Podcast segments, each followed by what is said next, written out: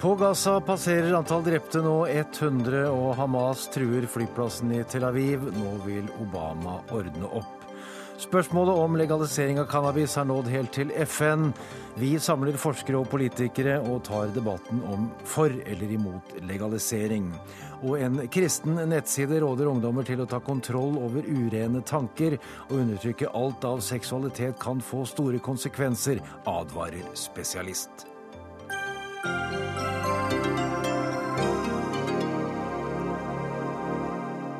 Jeg heter Erik Vold og ønsker velkommen til ukas siste Dagsnytt 18. Vi skal også snakke om mat, for vi forbrukere er blitt mer opptatt av kvalitet og mindre opptatt av pris, mener organisasjonen Matmerk. Ikke ifølge våre tall, sier Rema 1000. Men vi begynner med den eh, fortsatt dramatiske situasjonen på Gaza.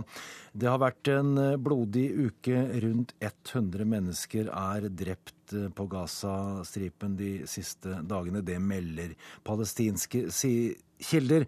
Og Hamas truer altså med å angripe Ben Gurion-flyplassen ved Tel Aviv.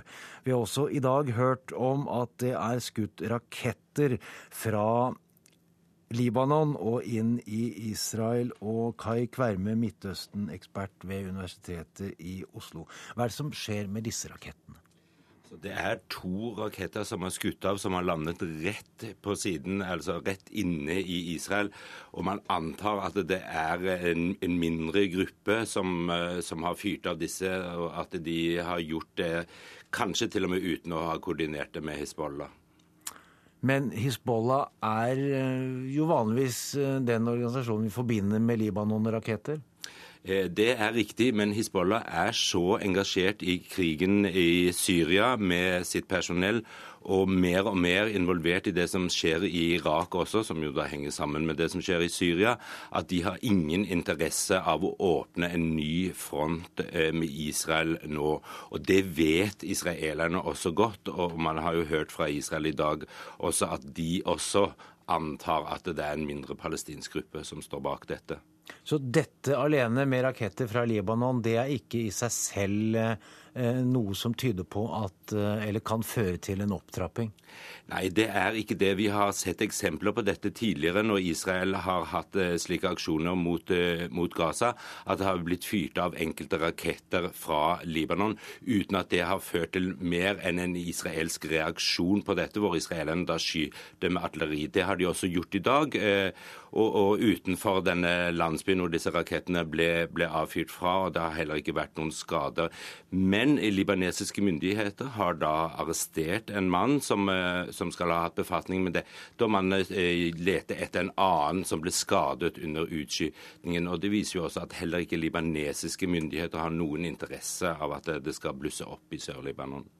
Da har vi eh, kontakt med lege og professor Erik Fosse. Du er eh, tilbake igjen i eh, Gaza, Erik Fosse. Så vidt jeg vet, så kom du dit i, i dag. Og hva, hva, møtte deg da du kom? Ja, jeg dro rett til Sinta-sykehuset, der jeg arbeidet før. Og der var jo alle Hadde de operasjoner på de fleste operasjonsstuene med forskjellige skader som har kommet inn i løpet av formiddagen og natten. Vi husker jo eh, Ja, vær så god. Ja. Nei, dette er jo en situasjon hvor det er uh, Situasjonen er litt annerledes enn den var i 2009. Det Angrepene er nok ikke så foreløpig i hvert fall, så uh, voldsomme som de var den gang. Men uh, til gjengjeld er jo situasjonen her mye verre. Fordi blokaden som nå har vedvart i syv år, er jo blitt akutt forverret etter at Egypt stengte disse tunnelene. Eh, sånn at eh, nå mangler folk de mest elementære ting. Det er underernæring, det er mangel på det meste på sykehusene. Vi har problemer med å ha drivstoff til å drive generatorene. Så det er, det er egentlig et ganske stort humanitært problem under oppseiling her. Ja, Det jeg skulle til å si da jeg eh, avbrøt deg, var jo at eh, vi husker jo, som du var inne på, at eh, du og kollega Mats Gilbert var i Gaza for fem år siden, blir det vel, eh, vinteren 2008-2009. Og dere først og fremst drev omfattende operasjon og livredning, men rapporterte også om eh, den dramatiske situasjonen som, som var der den gangen. Hvordan, hvordan preger det som skjer nå, folk eh, i Gaza? Som jeg sier, så er det, mye nå enn de var da. De er i utgangspunktet Pga. denne langvarige blokaden så er det vi har ikke vann, vi har ikke mat. Eh, vi har altså mye styr og hjelpehuset. Foreløpig så kommer eh, i underkant av 700 skadde pasienter i dette perioden. Og det klarer helsevesenet her i Gaza å ta unna. Men det er klart at hvis dette varer over tid, eller eh, kanskje ytterligere, så vil det være et veldig alvorlig problem for alle sykehusene.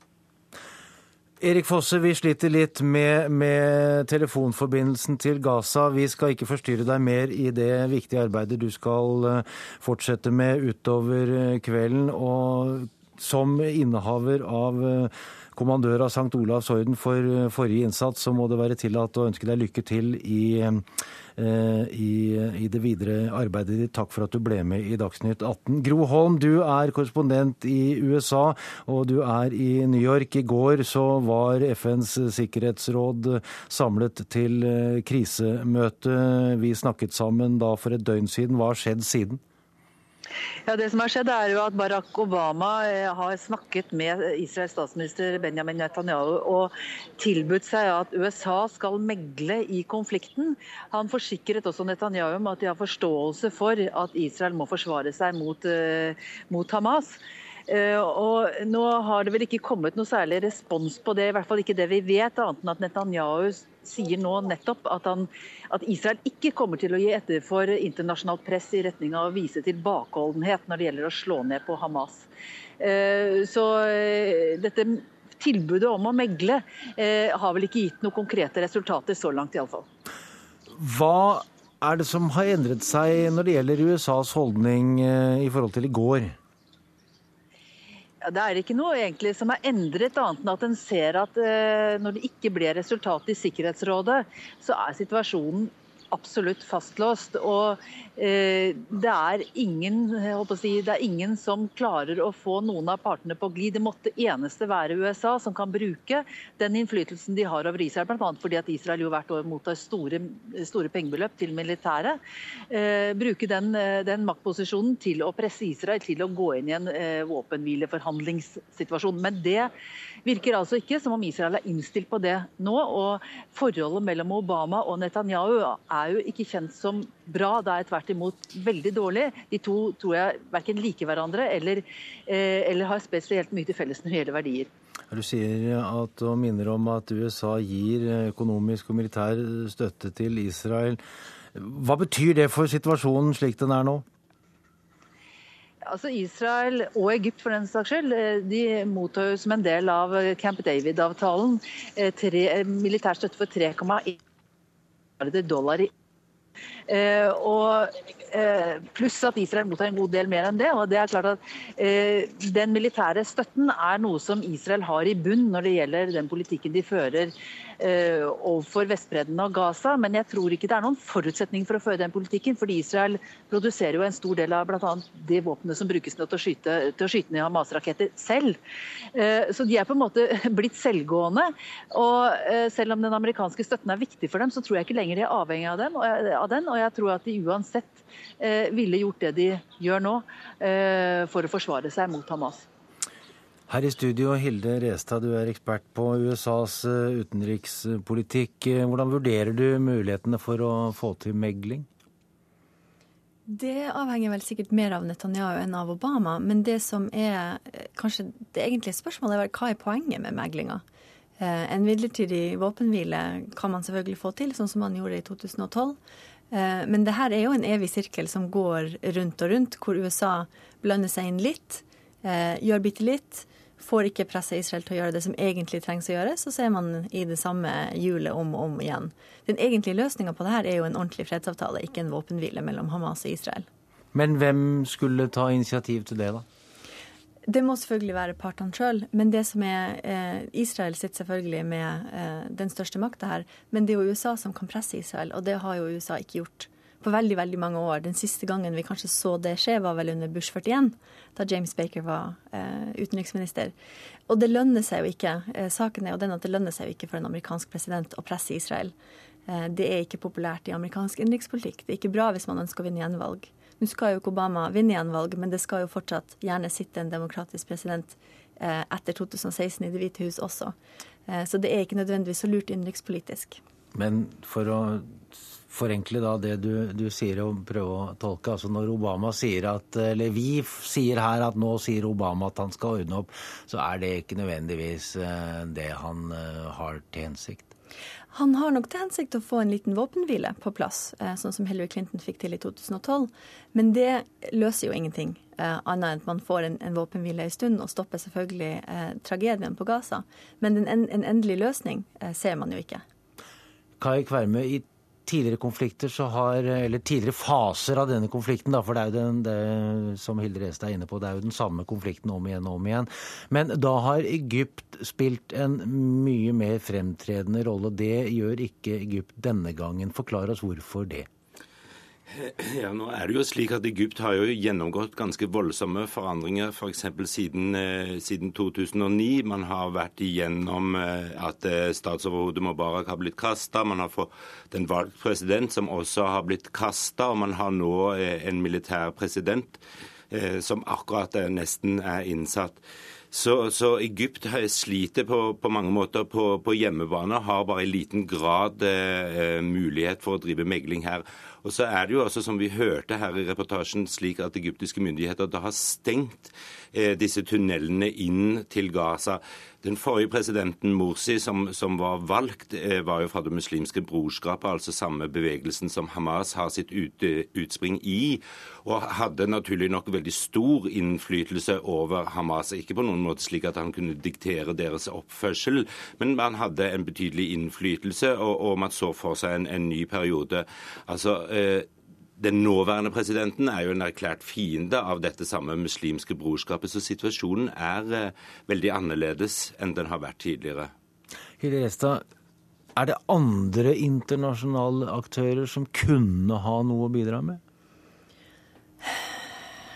Det kommer an på hvem man tror sitter med størst ansvar og makt for den konflikten som, sånn som vi ser den i dag. Hvis man tror at det er Israel som har ansvaret, og som må ta størstedelen av Eh, jobben med å få til fred, så er det USA som må på banen. Men eh, det er klart at EU e spiller jo en større og en større rolle når vi ser arbeidet med boikott og BDS-bevegelsen, som den kalles. Men det er vanskelig å se for seg hvem som skulle klare å tvinge partene til å gjøre noe de ikke ønsker å gjøre. Det er vel det som er litt fortvila. Og vi har altså da talt over 100 drepte denne uka det er fare for at, vi, at tallet blir høyere før, før, det blir en midlertidig eh, stopp i form av en våpenhvile, i hvert fall? Så absolutt. Eh, det her er det vel eh, både press innenfra og utenfra på Netanyahu, og vi får se hvilken vei han går. Ser du noen håp, noen lyspunkter? Nei, egentlig så syns jeg situasjonen er ganske mørk på mange måter. Altså, Forhandlingene mellom eh, palestinerne og israelerne har jo brutt eh, fullstendig sammen. Ikke minst eh, på, av en totalt manglende vilje på israelsk side til å gå inn på, seriøs, på seriøse fredsforhandlinger. Og Midtøsten er eh, mer ustabil nå enn den har vært eh, noen gang. Noe som ikke taler i favør av denne konflikten heller. Den, det taler på en måte ikke i favør av noen av konfliktene, men, men, men i hvert fall ikke Israel-Palestina-konflikten. Takk til Kai Kverme, til Hilde Restad, til Gro Holm og altså til Erik Fosse.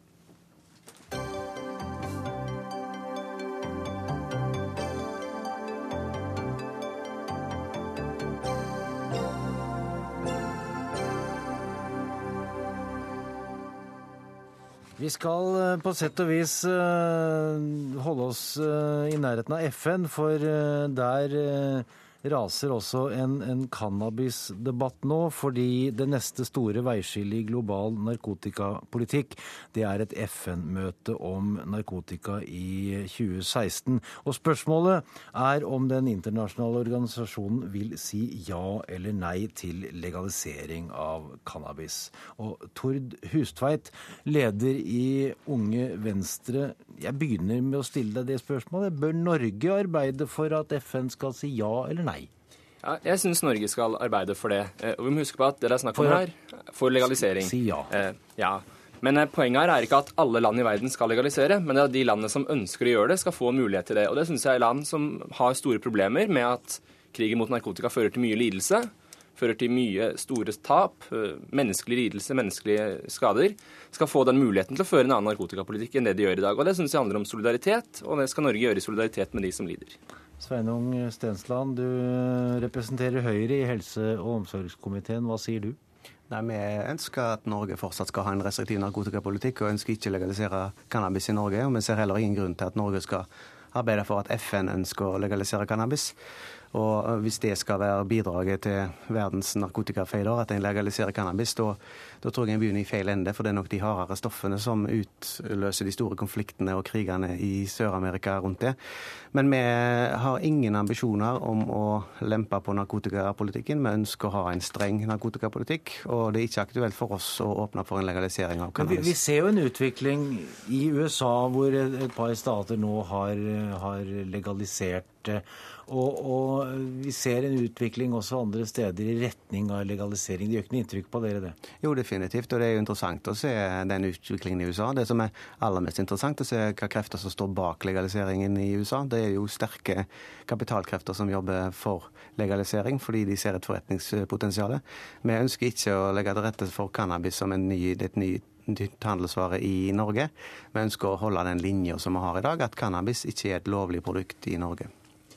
Ja, Det er jo artig at du bruker hvem som står bak her eh, som et argument. Jeg synes Det tyder på at du ikke har så veldig mange andre argumenter igjen. Eh, for jeg synes du må forklare hvorfor den forbudslinja, som du mener må være global, fører til en bedre verden. Eh, og hvorfor du mener at det dagens politikk, liksom de konsekvensene, ikke er viktig å ta vare på.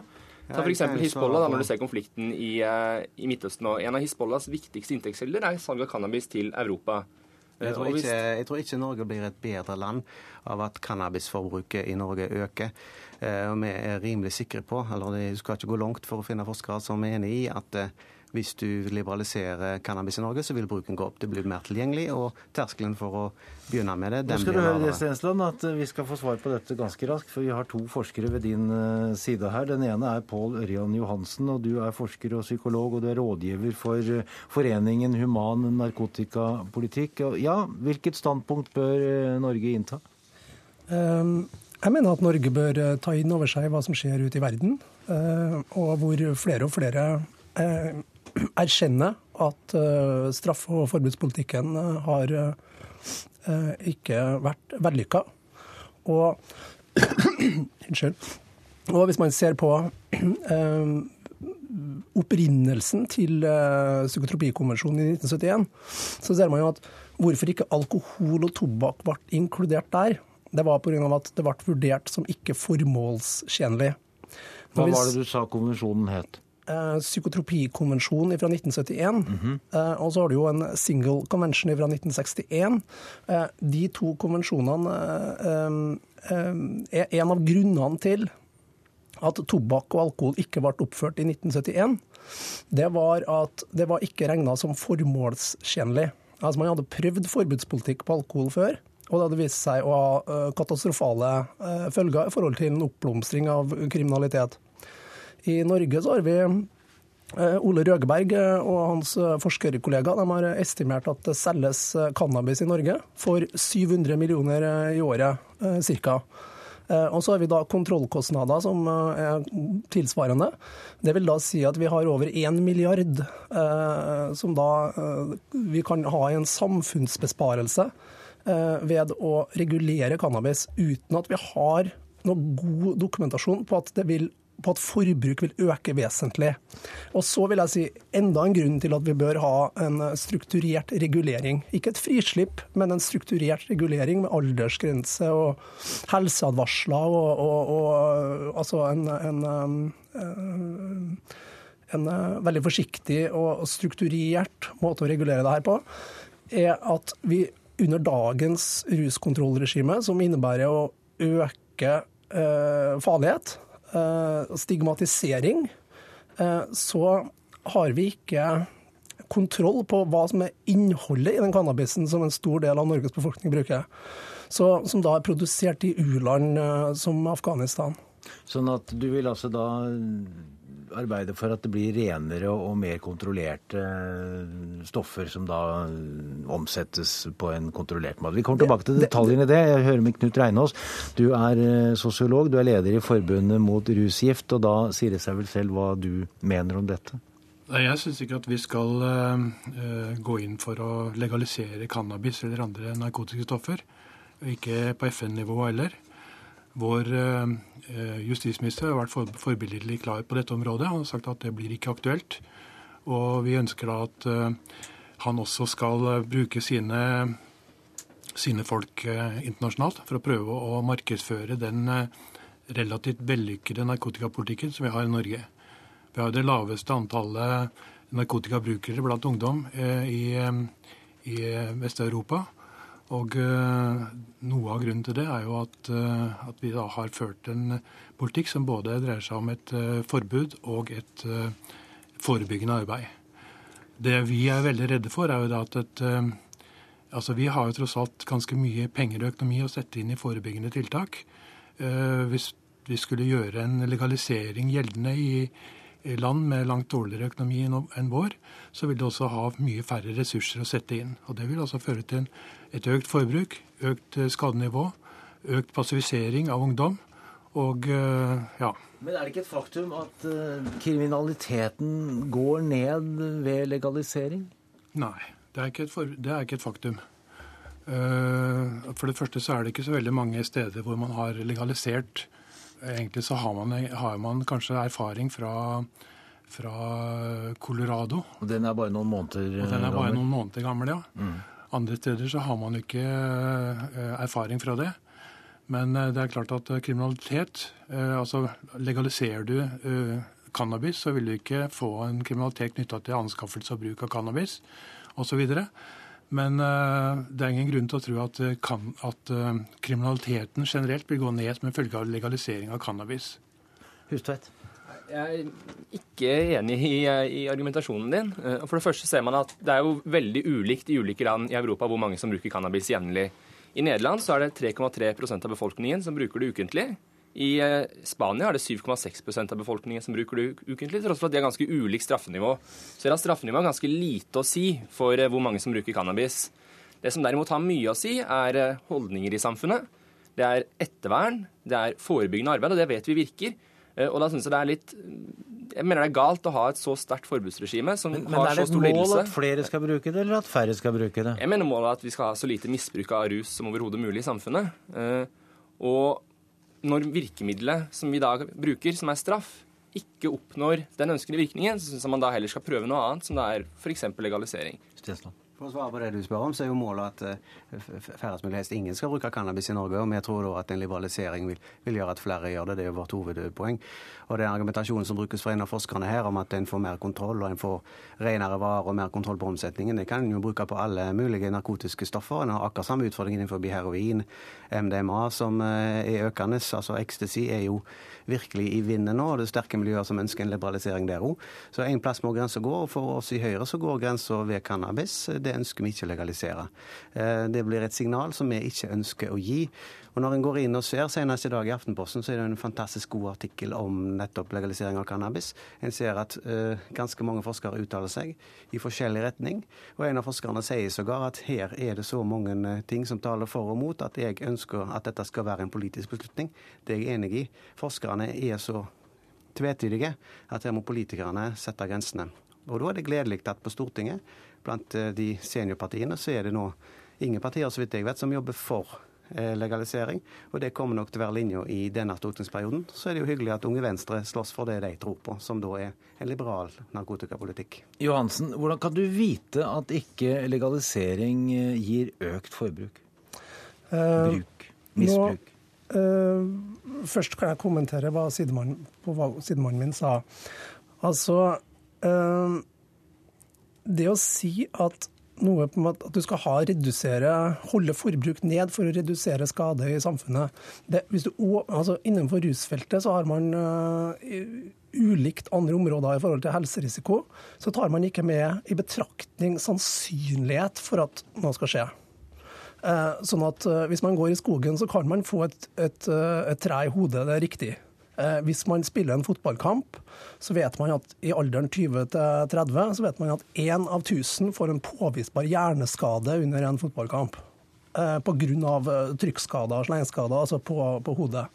Men det betyr ikke at, man, at en kriminalisering av aktiviteter, så må man bruke Altså vi vil ha et samfunn som har et regelverk, som har, som har logikken som byggestein. Og innenfor det her at det er et politisk spørsmål versus et medisinsk spørsmål, så er forbudspolitikken og straffepolitikken den er solgt inn som et helsetiltak. Altså det vil si at man skal forebygge helseskade eller redusere skade i samfunnet. Da må man ha en kost-nytte-analyse av, av, den intervensjonen.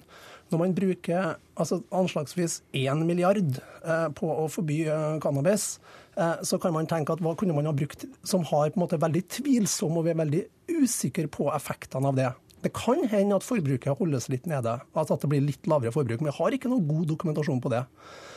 Men vi har Eh, dokumentasjon på at det er veldig skadelig og veldig kostbart å, å bruke eh, politi, eh, domstol og, og fengselsvesen for å fremme folkehelsa på dette området. Det, det, er ikke vanskelig å finne argumenter for legalisering av cannabis, men en avveining av argumentene for oss taler for å ikke legalisere. Eh, klart, eh, Når du, ting blir kriminelt, så blir det flere kriminelle. Hvis du avkriminaliserer noe, så blir det færre kriminelle, fordi at færre gjør den handlingen som er kriminell.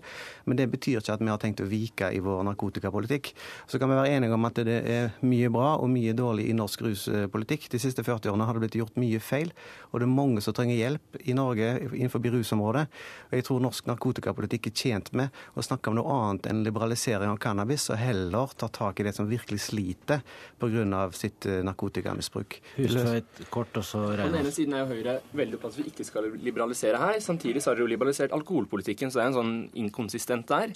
Eh, og jeg håper vi i Unge Venstre håper vi skal fortsette, kommer til å fortsette kampen for en liberal og human narkotikapolitikk. Så håper vi at Norge i FN tar kampen for at land i verden som sliter med forbudet, og hvor forbudets enorme konsekvenser har gått fra en såkalt krig til en reell krig, skal få muligheter til å føre en annen narkotikapolitikk. Det mener jeg er solidarisk og riktig. Men sånn blir det ikke hvis du får bestemme, Reinås? Nei da, for at uh, den uh, forbuds- og straffepolitikken som, som uh, snakkes om her fra Høstveit, det er jo egentlig en politikk som har blitt stadig mer hva skal jeg si, dempet i løpet av de siste 40 årene. Og uh, hvis vi skal gå lenger i en liberalisering av narkotikapolitikken nå, så må vi nesten gå til en legalisering. Det er ikke sånn at folk sitter inne for å, å ha brukt små mengder uh, cannabis. Uh, og forbudet det har altså den hensikt at man kan komme inn veldig tidlig. Tidlig intervensjon. Og vi i FMR vi har jo egentlig da gått imot at man skal drive med forelegg og, og bøter. Men vi ønsker også at folk skal få alternativer alternativ straff, eventuelt eh, en alternativ behandling. Fem sekunder til hver av dere to politikere til slutt. Ja, I samme periode som vi har fått en stadig mykere narkotikapolitikk, så har forbruket gått stadig lenger ned. Så det mener jeg taler for at vi burde kanskje gå i enda mer i liberal retning. Jeg kan gjerne være med på å diskutere straffenivået og hvordan en angriper de som faktisk bryter gjør noe straffbart. Men for oss er det ikke, ikke noe snakk om å liberalisere innenfor narkotikapolitikken. Og det er ikke riktig som Venstre her påstår, at vi har liberalisert innenfor alkoholpolitikken, men vi har gjort visse justeringer. Alle de debattene de må vi ta en annen gang. Takk til Tord Hustveit, til Sveinung Stensland, til Pål Øyan Johansen og til Knut Reinås.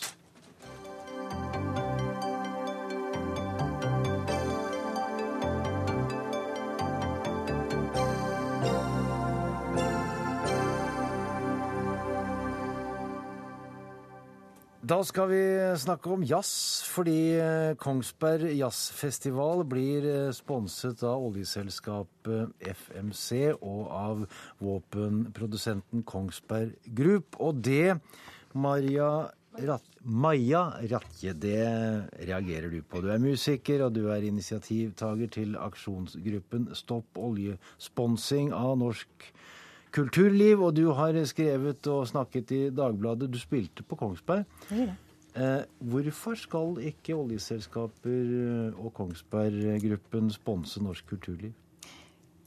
Jeg er jo ikke forundra over at uh, sponsormarkedet er så attraktivt i kulturlivet. Fordi kulturen også forbindes med noe veldig positivt. Så det at uh, oljeselskaper og andre uetiske sponsorer vil sponse kultur, det er ikke så veldig rart. Men jeg syns det er foruroligende at kulturlivet velger å inngå samarbeid med uh, selskaper som profitterer på å ødelegge framtida for våre barn. Og nå at Kongsberg Jazzfestival, som jeg er så glad i, nettopp har inngått en ny stor sponsoravtale med Kongsberg Gruppen, som ikke bare driver med våpenproduksjon, men som også leverer, leverer til olje, oljebransjen. Det syns jeg er veldig synd, og det er kleint. Og det er mange med meg som syns det, men jeg er redd for å si noe. Men jeg var inne på at du spilte der. Jeg må nesten spørre hvordan du i all verden kunne gjøre det, når du er såpass eh, negativ til måten dette ble finansiert på? Det er fordi jeg er kjempeglad i Kongsberg Jazzfestival, og det er et kjempefint publikum der. Og det ville ikke hatt noe hensikt å ikke spille der. Jeg er bare bekymra for hvilke sponsorer de har lyst til å inngå samarbeid med. Og når det sies, så er det også sånn at hele norsk kulturliv faktisk er sponsa av olje, mer eller mindre indirekte. Du ser at uh, oljesponsing brer om seg, og det omfatter nesten alle de store festivalene i Norge i dag. Og det syns jeg er svært problematisk. For sponsing det handler om omdømmebygging. Det handler om å kjøpe seg godvilje i befolkningen. Det er ikke det samme som statlig overføring. Og vi må vite det at, at sponsing er, eh, det er en nøkkel for disse selskapene som driver med uetisk virksomhet, for å kunne holde på med den virksomheten de gjør i dag. Torbjørn Heitmann Valum, fungerende markedssjef i Kongsberg Jazzfestival, nettopp eh, avholdt eh, på Kongsberg, naturligvis. Hvorfor tar dere imot disse penga? For oss handler dette om at det er de to store arbeidsgiverne på Kongsberg som ønsker å støtte opp om kulturlivet i byen. Eh, det er eh, det er, det er penger som vi, som vi, får fordi de ønsker å bidra til å skape en attraktiv by. Uten den type sponsorstøtte her, så hadde ikke Kongsberg kunne vært så stor festival i en så liten by som Kongsberg. Eh, så for oss så handler det om et fellesskap der vi sammen løfter miljøet i byen uavhengig av eh, virksomheten de driver på med. Men Det betyr at, at dere tar imot pengene fordi at disse to eh, selskapene de er, er, store på Kongsberg? De er på sett og vis Kongsberg. Hadde det vært andre virksomheter eh, som, som, hadde vært på Kongsberg som dere hadde fått penger av, så hadde dere naturligvis tatt penger av dem òg? Vi har selvfølgelig tatt penger fra de som har lyst til å gi oss penger. Og disse type firmaene her vil nok ikke ha sponsa type festivaler i andre byer i omlandet rundt, men fordi at vi sammen ønsker å skape en attraktiv by. De ønsker å få eh, flere ansatte til Kongsberg og ønsker at det skal være kulturtilbud til sine ansatte og sine barn. Vi hadde bl.a. et nytt samarbeid med FMC i år, som lagde en ungdomskonsert gratis for ungdommene eh, i byen. Det er en måte å gi et tilbud til barna til de som jobber på de bedriftene, at det skal være et bedre sted å arbeide og bo. Maja Ratje, det er vel nesten sånn at uh, hadde det ikke vært for disse to selskapene, så hadde det knapt vært noe Kongsberg Jazzfestival, og kanskje ikke noe Kongsberg engang? Jeg syns jeg hører nå et godt eksempel på hvordan kulturlivet bare tar imot pengene uten å stille noe krav, uten å kritisere, uten å ta debatten engang. Uh, selvfølgelig er det masse kompetanse og et godt næringsliv i Kongsberg, men hva man kanskje, kanskje var med på å styre denne kompetansen innover noe som er litt mer bærekraftig enn våpeneksport og petroleumsindustri. Man kan også tenke seg at, uh, at jazzfestivalen uh, ville inngå samarbeid med andre sponsorer som er mer nasjonale. Jeg syns det er et stort problem at, eh, at, Kongsberg blir med på det her uten å mukke. Og jeg syns også det er et stort problem at FMC arrangerer gratis konsert rettet mot barn og unge for å bygge sitt merkevare. Nå har nettopp FMC inngått en 7 milliards kontrakt med Total i Vest-Afrika. Det, dette er ikke veldedighet. De pengene her er ren PR, og det ser ut som om de får lov til å kjøre på i norsk kulturliv i, på linje med andre oljeselskaper for å skape FMC, seg et godt navn. Vi må være litt forsiktige med liksom, den direkte kritikken av hva firmaet som sådan driver med. Men, men altså, Du hadde helst sett at staten hadde gått inn med, med penger i disse virksomhetene, vil jeg anta? Jeg er ikke motstander av, av sponsing generelt. Jeg er motstander av uh, ukritisk eh, sponsing uh, fra kulturlivets side. Jeg er motstander av at debatten er så stille rundt miljø, rundt disse store spørsmålene. Og det tror jeg skyldes nettopp at det er så mange som føler på det store paradokset det er når man på den ene siden vet at vi er nødt til å ha en snuoperasjon i samfunnet vårt, og på den andre siden gir legitimitet til selskaper som driver med det rake motsatte. Men, men det er jo sånn at veldig stor del av norsk økonomi er finansiert av oljevirksomhet, er det ikke det? Tross alt så er vi i et demokrati hvor vi kan påvirke politiske beslutninger. Nå ser vi også at Statoils eh, eierskap, altså statens eierskap i Statoil er passivt, og de vil ikke gå inn og endre f.eks. tjæresand operasjonene i Canada. Men likevel så er det en annen måte å påvirke det politiske systemet på. Det er oljeselskapene som har null skrupler, som på ingen måte vil oppfylle FN, FN klimapanels krav om at fire femdeler av allerede kjente petroleumsressurser må bli liggende i bakken. De har et kappløp okay, mot å bore mot Nordpolen. Valum, jeg kan, ikke, jeg kan ikke gjøre deg ansvarlig for alle disse tingene, men, men, men, jeg kan stille deg dette spørsmålet. Altså, I hvilken grad gjør dere etiske vurderinger når dere tar imot eh, sponsorstøtte?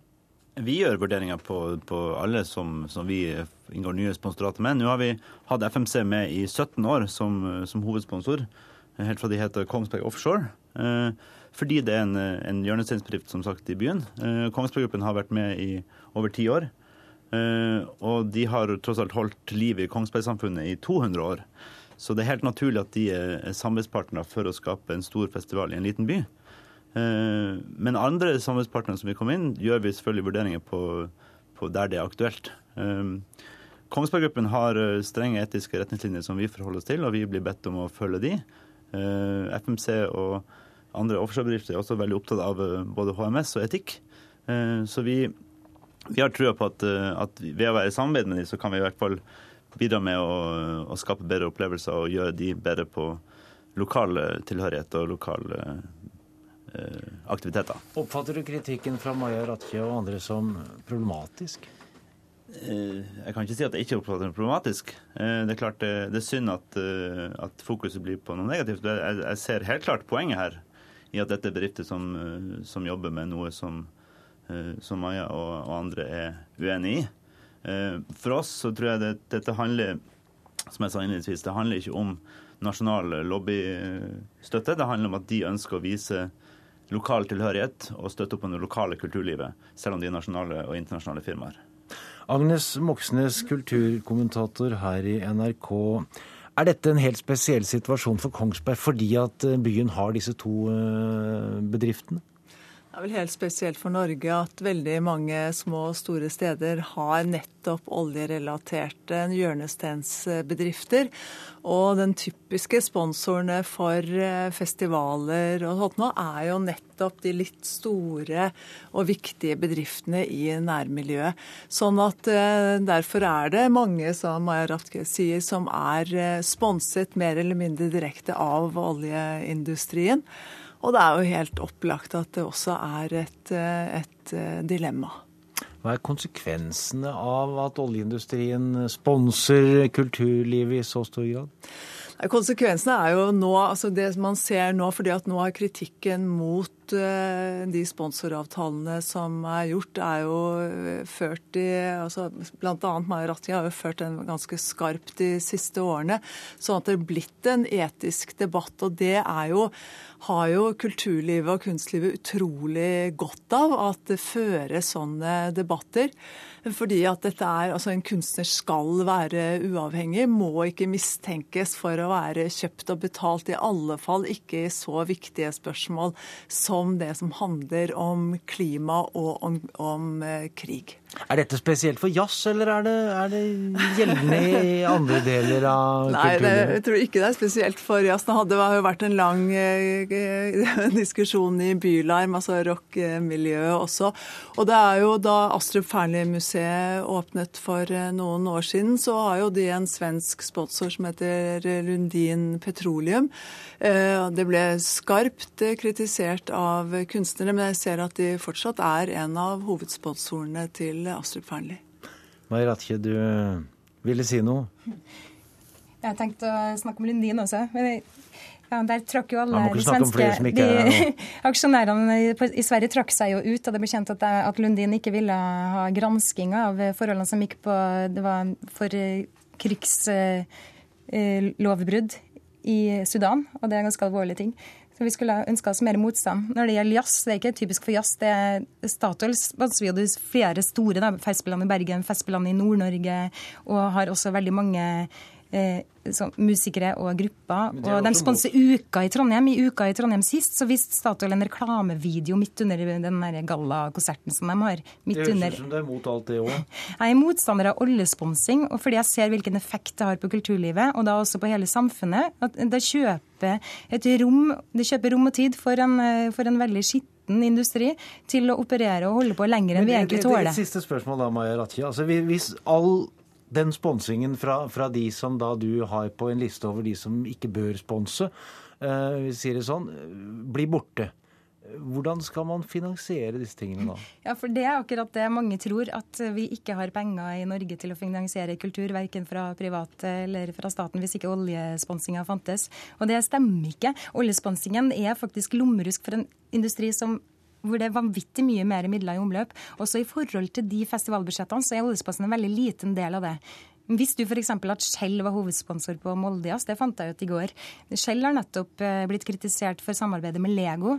I går fikk jeg beskjed om at eh, en YouTube-video som kritiserer det her samarbeidet, runda nesten tre millioner hva, jeg- treff på tre dager. Jeg er nesten nødt til å sette Så dette, men dette med oljesponsing, det, er liksom, det, det skal ikke diskuteres i kulturen, men det skal diskuteres i andre steder. Vi må ikke fremsette flere påstander som de som da blir eh, snakket om, ikke kan få imøtegå. Vil du si noe til slutt? Ja, jeg vil bare si til, til det Agnes sier, at, at det er ingen som helst uh, kobling mellom det kunstneriske og det kritiske meninger i, offentligheten. Vi har aldri nekta noen å opptre på festivalen vår fordi de har vært kritiske til våre sponsorer. Ok, Vi får se hvordan det går videre. Maja Ratche, takk skal du ha. Torbjørn Heitmann Valum og Agnes Moxnes, takk til dere to også.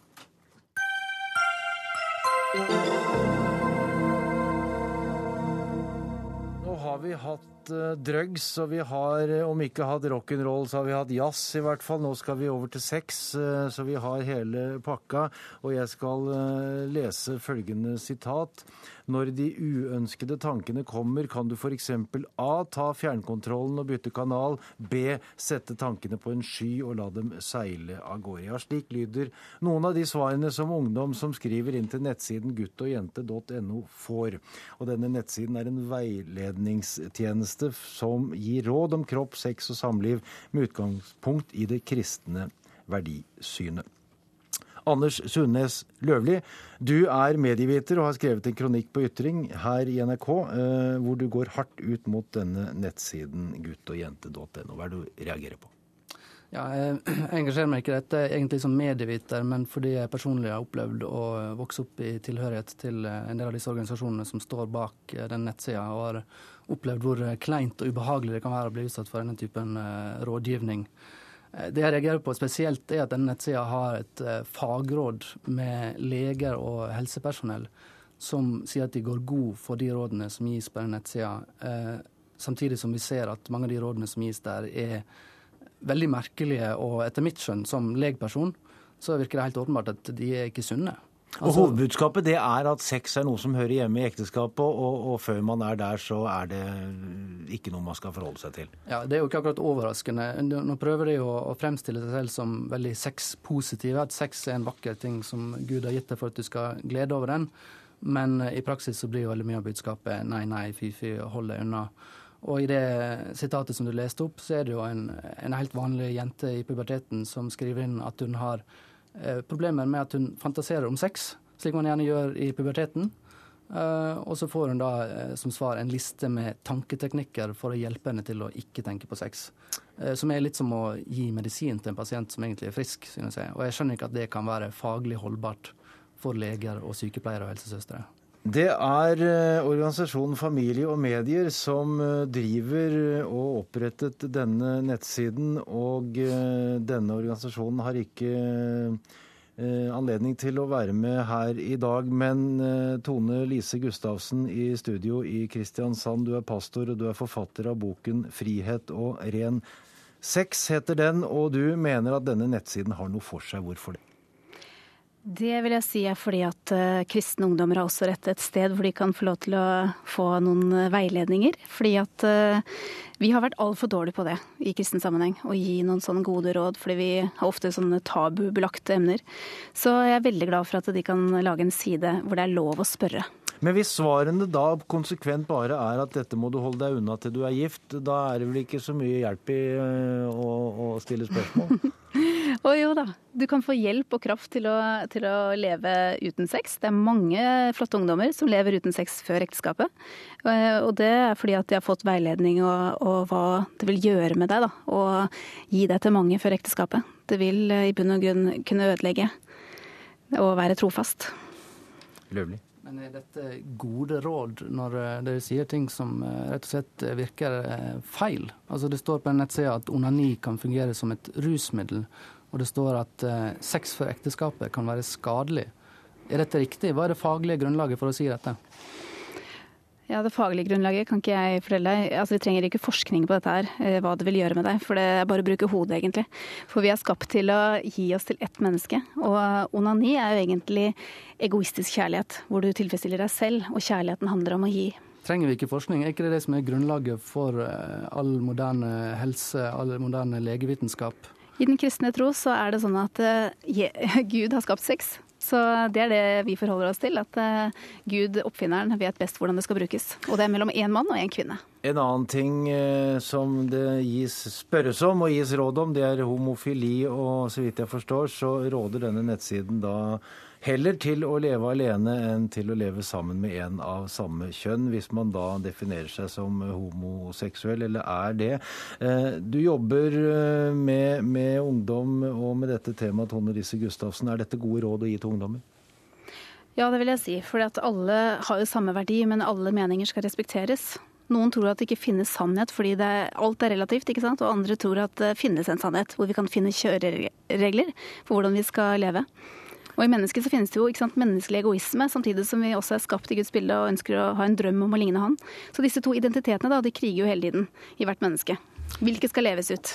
Eh, Gustavsen, kan jeg gripe tak i det du sier om sannhet? Du har jo skrevet en bok som heter 'Frihet og ren sex', som handler om eh, seksualrådgivning. Der skriver du at kondomer ikke beskytter mot kjønnssykdommer eller graviditet. Er det sant? De gjør det jo. Eh, de, selvfølgelig er det lagd for å gjøre det, men de trenger ikke alltid å gjøre det. Men du skriver det motsatte i boken din. Du skriver at kondomer beskytter ikke mot kjønnssykdommer. Nei, for de kan sprekke, og de kan brukes feil. Tore Holte Follestad, du er spesialist i sexologisk eh, rådgivning. Hva synes du om de rådene som gis eh, på dette nettstedet? Først vil jeg si at jeg har forståelse for at kristne ønsker å skape mulighet for at kristne ungdommer skal kunne få eh, altså råd til samlivsetikk eh, innenfor eh, etisk, kristen etisk ramme. Det har ingen problem med å skjønne det. Så Sånn sett så tenker jeg det er prisverdig at kristne organisasjoner ønsker å snakke om seksualitet og ta det opp. Det har vært taust om det temaet veldig lenge, så sånn sett så er dette veldig positivt. Men rådene? Selve Men, rådene? Selve rådene er jo mer bekymringsverdig. Og jeg tenker jo det at for mange Eh, av disse organisasjonene så er det et poeng at unge f.eks. skal vente med sex til de finner sin egen partner, sin, egen, sin eneste partner, og så ha sex etter en gift.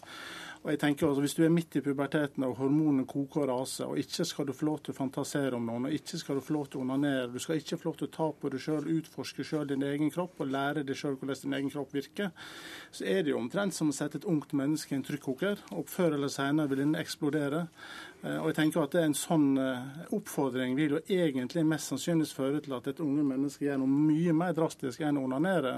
Og jeg tenker at Sånn sett så er dette en utrolig dårlig strategi, hvis en ser for seg at kristne ungdom skal vente med sex til ekteskapet. Gustavsen, denne skyen som, eh, som dere snakker om, hvor man da bare skal la tankene seile av gårde, altså Follestad er inne på noe her, er han ikke det?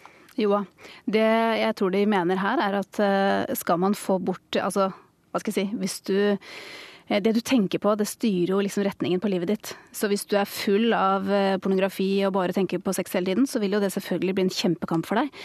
Men det de sier Det er var vel egentlig ikke pornografi vi snakket om her nå, var det det? Ja? Nei, men i hvert fall hva skal jeg si, urene tanker, eller hva det er beskrevet. da. Eh, hvis du tenker på, på sex og sånne ting. Eh, jeg er ikke om, opptatt av å snakke om synd, men jeg snakker om å motivere til å leve rent. For det er så mange ungdom som lever uten sex, og det går veldig, veldig bra.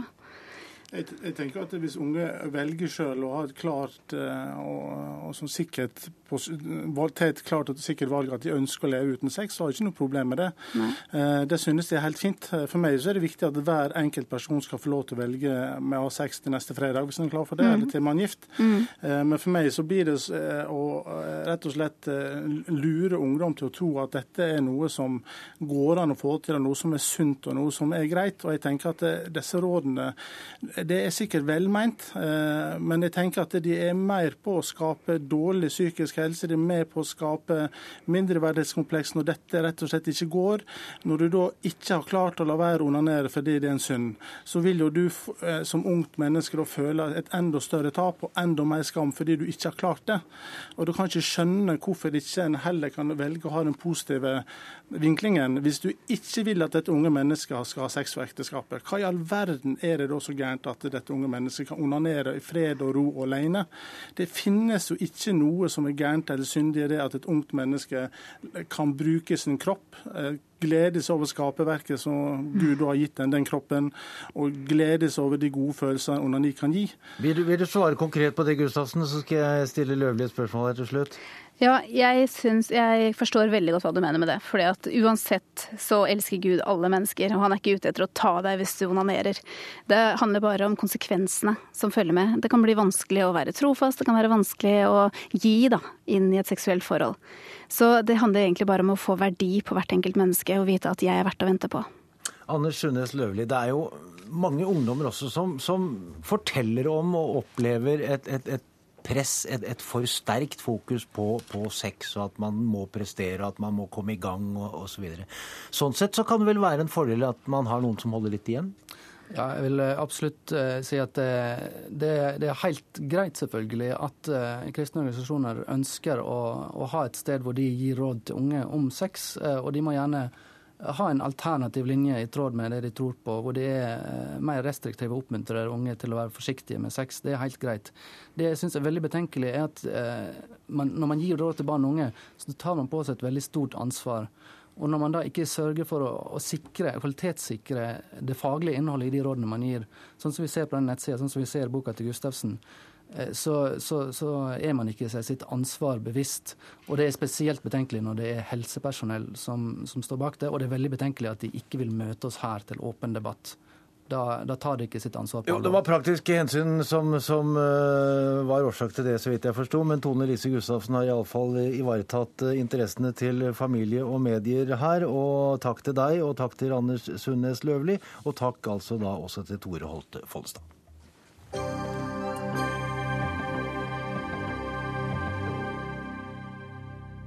Da skal vi snakke om mat, for ifølge en undersøkelse fra MMI så er nordmenn nå mindre opptatt av at maten skal være så billig som mulig, og mer opptatt av kvalitet når de handler. Og administrerende direktør i Matmerk, Nina Sundquist, med oss i studio på Lillehammer.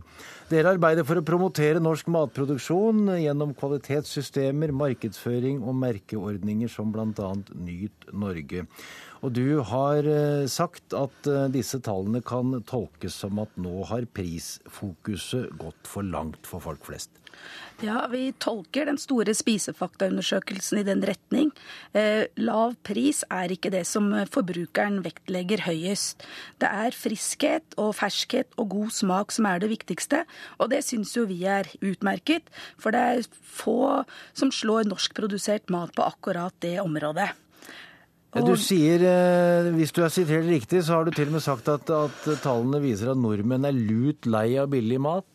Ja, altså jeg tror dette er en pendel som eh, har svingt nå fra et ytterpunkt til et annet.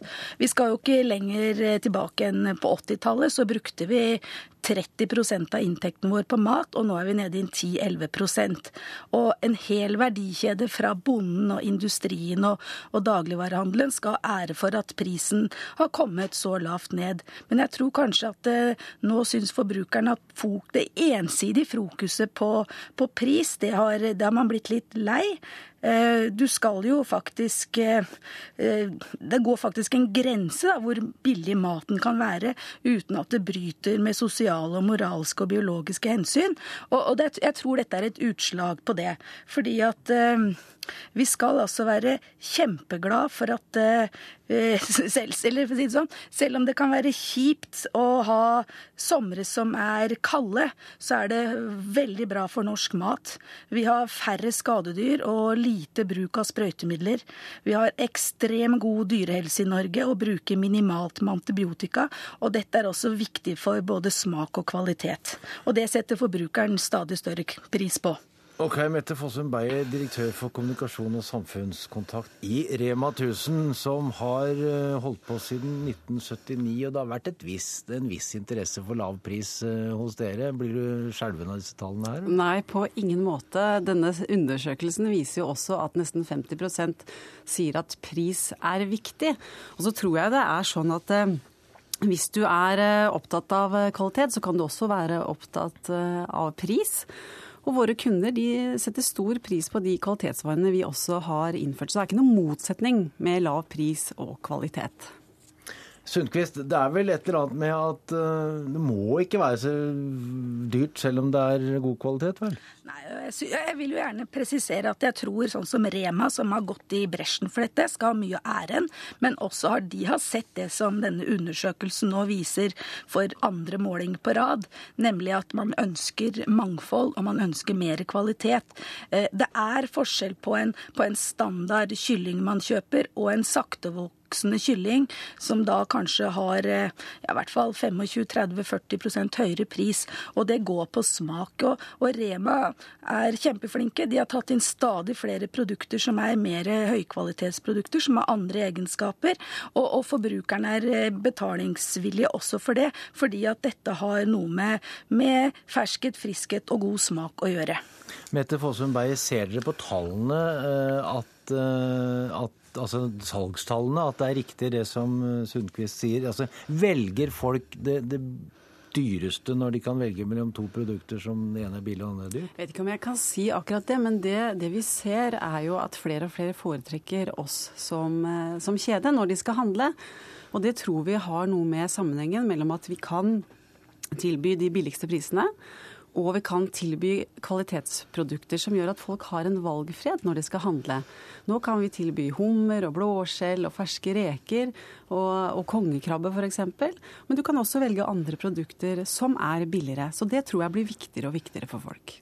Nå kan du nesten være glad for at ikke verken Kiwi eller Norgesgruppen det er en og samme ting er her. For det, det er ikke alle som er helt enig i at, at det bare er dere som er billige.